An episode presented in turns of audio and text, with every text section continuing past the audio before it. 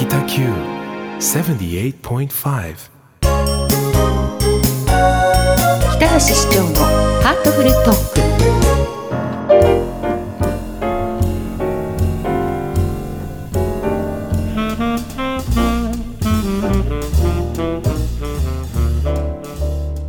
北橋市長のハートフルトーク。まずは北橋市長のブログ、フェイスブックから市長の近況や関心のあることについて伺います。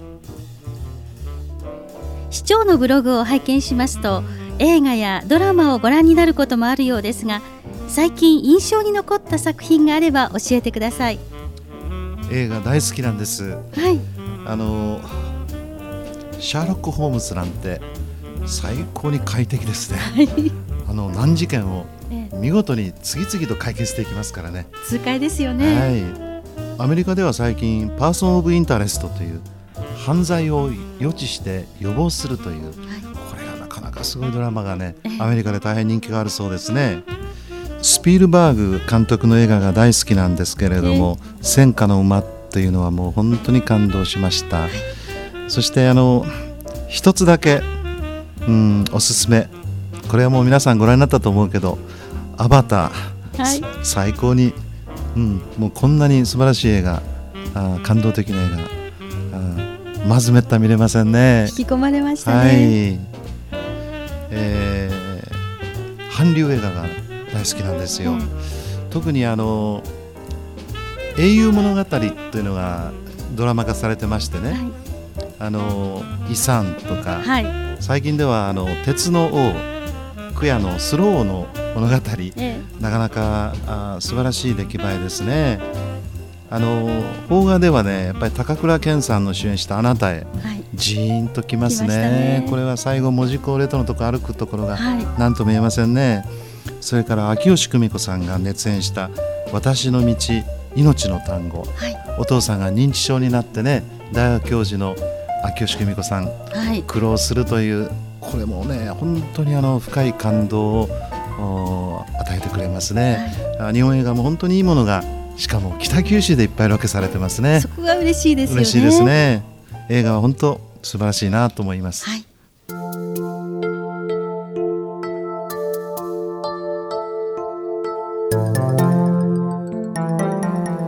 後半は北九州マイスターについて市長にお話を伺います。市長よろしくお願いいたします。よろしくお願いします早速ですが市長この北九州マイスターとはどういったものなのか教えてください。はい。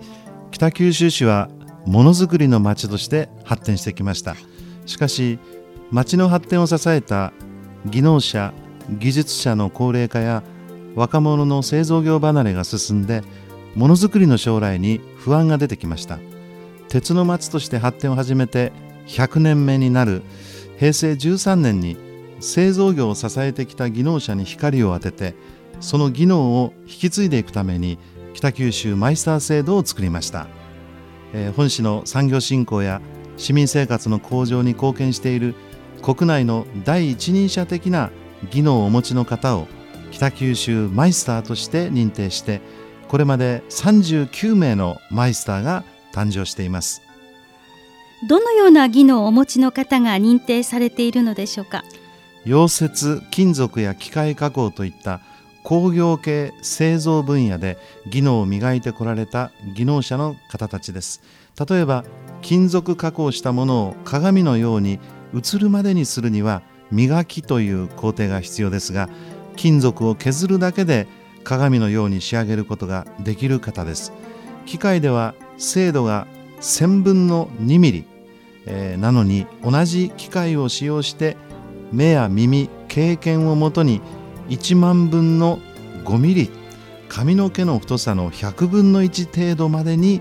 精度を高めて製品を作り出す技能を持つ方などです、こうした方々は手の感覚や金属が削れる音匂いなどまさしく五感で仕上げることができます。素晴らしいでしょう。そうですよね。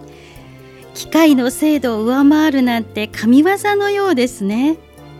このマイスターの技能はどのような形で継承されていくのでしょうか？北九州マイスターの皆様には後進の指導にも熱心に取り組んでおられる現役の方を認定しています。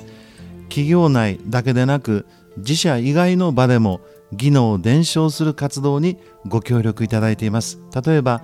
企業で働く技能者向けに実技講習を行う北九州マイスター匠塾があります。工業高校の生徒を対象にした匠に学ぶ技能講習会。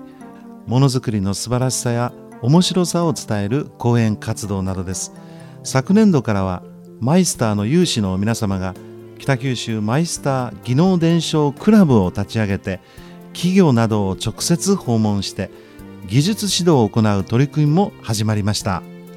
いろんなところで技能伝承に取り組まれ北九州のものづくりは確かに受け継がれているんですね。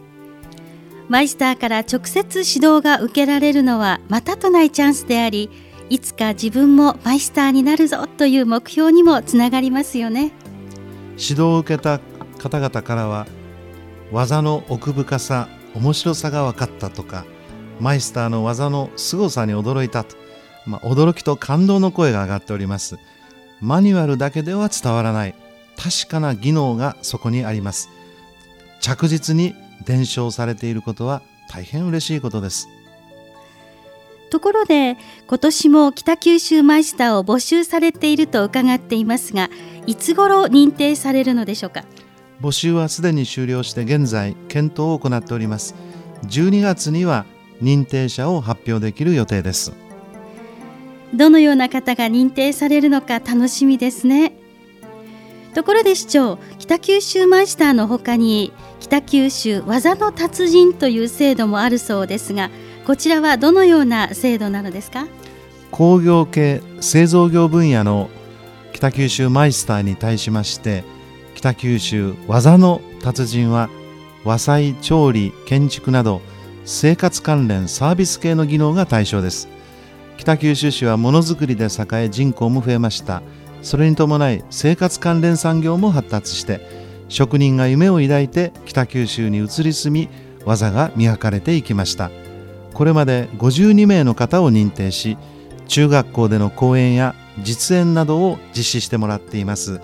前回は西洋料理の調理師の方とビデオカメラマンのお二人を認定しました。次回は来年度に募集する予定です。これまで認定されていない分野にも光を当てていきたいと考えています。和裁調理建築。まさに衣食住であり私たちの生活に欠かせない分野ですね。建築というと大工さんや左官屋さんなどですか？はい。